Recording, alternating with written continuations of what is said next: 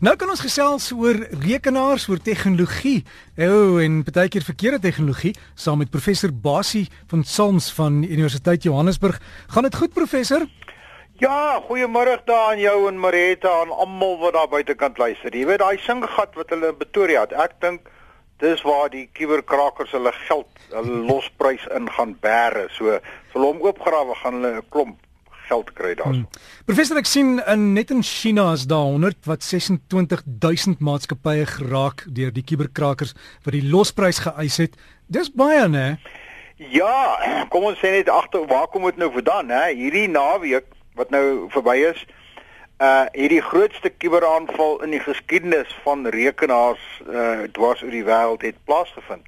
En soos jy nou reg sê, daar word nou gespekuleer dat 200 tot 300 000 rekenaarsmaatskappye instansies is daardeur geraak. En hierdie was nou 'n tipiese voorbeeld van iets waaroor ons nou al klaar ons luisteraars daar buite bemagtig het naamlik die hele kwessie van van 'n uh, sogenaamde ransomware of uh, of gijselware want dis wat gebeur uh, die kuberkraker die kiepie neem jou rekenaar oor hy infekteer jou rekenaar dan plant hy 'n stuk slegte programmatuur daarin wat dan jou data, jou databasisse enkripteer of hulle skommel en dan is daar 'n elektroniese sleutel wat hierdie stuk programmatuur nou gebruik om jou data mee te skommel.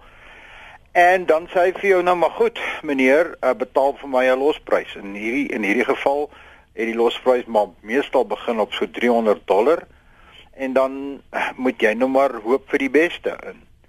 Uh, vir die meeste mense het die beste toe nie gebeur nie. Ja professor, ek volg baie gereeld 'n televisiereeks met die naam van NCIS. Ek weet nie of mm. professor nog kyk nie. Mm. Hulle het ek dink so 4 of 5 episode gelede het hulle die einste ding gehad as deel van hulle hele komplot in die program. Mm. En dit was ook gaas want almal se rekenaars was gesluit en hulle het 'n losprys gehuis. Ja, absoluut. Kyk, dit is die uh, uh, bome halwe nou hierdie naweek, né? Die kwessie van van gijselware of losprys is is iets wat al lankal kom, verskeie kere vroeër in hierdie jaar en verlede jaar het luisteraars my al geskakel en gesê hoe die ek ek bedryf 'n uh, praktyk ek is 'n uh, mediese praktisyn of 'n apteek of wat ook al en my rekenaarstelsel is gegijsel. Ek kan nie by my kliënte data uitkom nie behalwe om die losprys te betaal.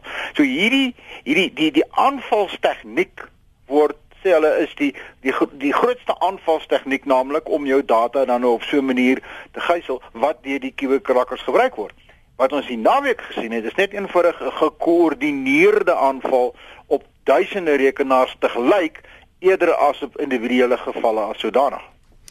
Ek het 'n artikel gelees vroeër vandag professor wat sê dat dis meer gemik gewees op ouer rekenaars want baie van jou regeringsinstansies het nog ou netwerke, hulle het nie nuwe rekenaars nie.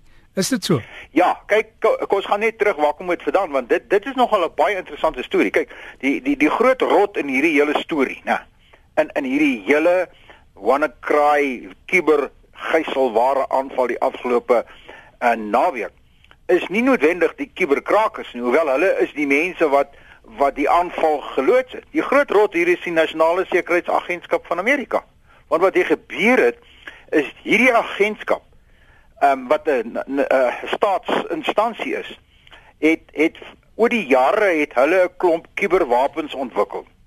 Nou hierdie kuberwapens is niks anders nie as as 'n uh, programme waardeur hulle rekenaarstelsels bekyk en dan vind hulle kwesbaarhede, aanvalspunte, gate waar hulle dan nou 'n stelsel kan infekteer.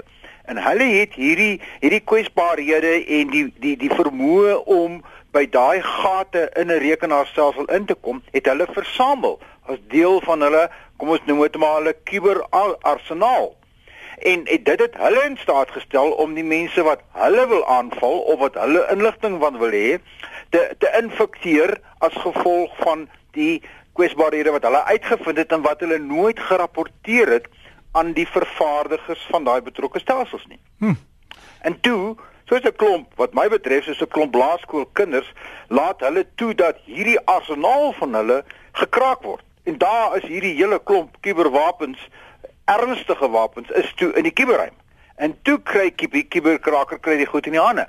En wat ons hier gesien het, is die eerste gebruik van 'n wapen wat in daai arsenaal was, naamlik hierdie kwesbaarheid. En wat is wat was die wapen? Hierdie mense, hierdie Amerikaners het een of ander stadium uitgevind dat daar 'n kwesbaarheid in Microsoft se bedryfstelsel. En dit gaan jare en jare en jare terug.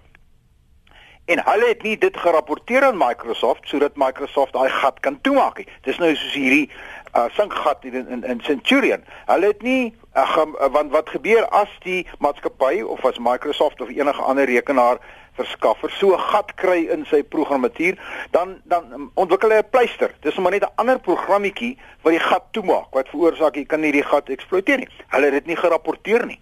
So Microsoft het nie geweet van hierdie gat in hulle bedryfstelsel nie. En, en dit gaan terug tot jy hoeveel jare terug? Ja.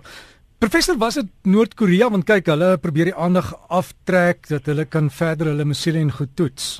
Nee, ek uh, wel ek kan nou nie sê nee nie, maar ek ek is redelik seker.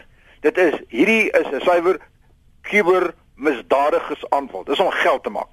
Die ouens wou geld maak op 'n groot skaal. As jy mooi lees, lyk like dit my bietjie hulle hulle uh mat is bietjie onder hulle uitgetrek. Hulle het nie soveel geld nog ontvang soos wat hulle gehoop het nie. Maar jy weet as jy gaan bereken wat ek wat ek gelees het is dat as hulle ontvang het, maar op hierdie 1 miljard dollar aan losprys ontvang het. Maar op hierdie stadium trek hulle miljard dollar aan losprys ontvang het. Maar op hierdie stadium trek hulle maar lyk like dit vir my maar hier so by 'n 100 000 of 200 000 uh, Amerikaanse dollar. So hulle het nog nie dit gekry wat hulle gedink het nie en daar's natuurlik baie redes voor, maar net om terug te gaan na jou vraag toe. Is dit die ouer rekenaars? Ja. Die ouer rekenaars spesifiek van die bedryfstelsel van Microsoft wat wat nou al uitgefaseer is. Hulle bestaan nie eers, hulle word nie eens meer onderhou nie. En talle van ons stelsels wat ons vandag gebruik, byvoorbeeld by eindpunte waar jy betaal by 'n by 'n kassiere of van hierdie ingeboude stelsels gebruik nog daai verouderde stelsels wat hierdie gat ingehaat het. En en dit is hoekom daai ouer stelsels word grootliks geïmpakteer daardeur. Want selfs nadat Microsoft toe die hierdie pleister uitgereik is en die en die mense die moderne ouens wat ons vandag gebruik, die moderne kopie is toe toegeplak en hulle en hy kan nie meer geïnfekteer word nie. Is daai ouer stelsels daarvoor hulle is dan nie meer pleisters nie. Hulle word nie eers meer onderhou nie, hoewel Microsoft nou teruggegaan het.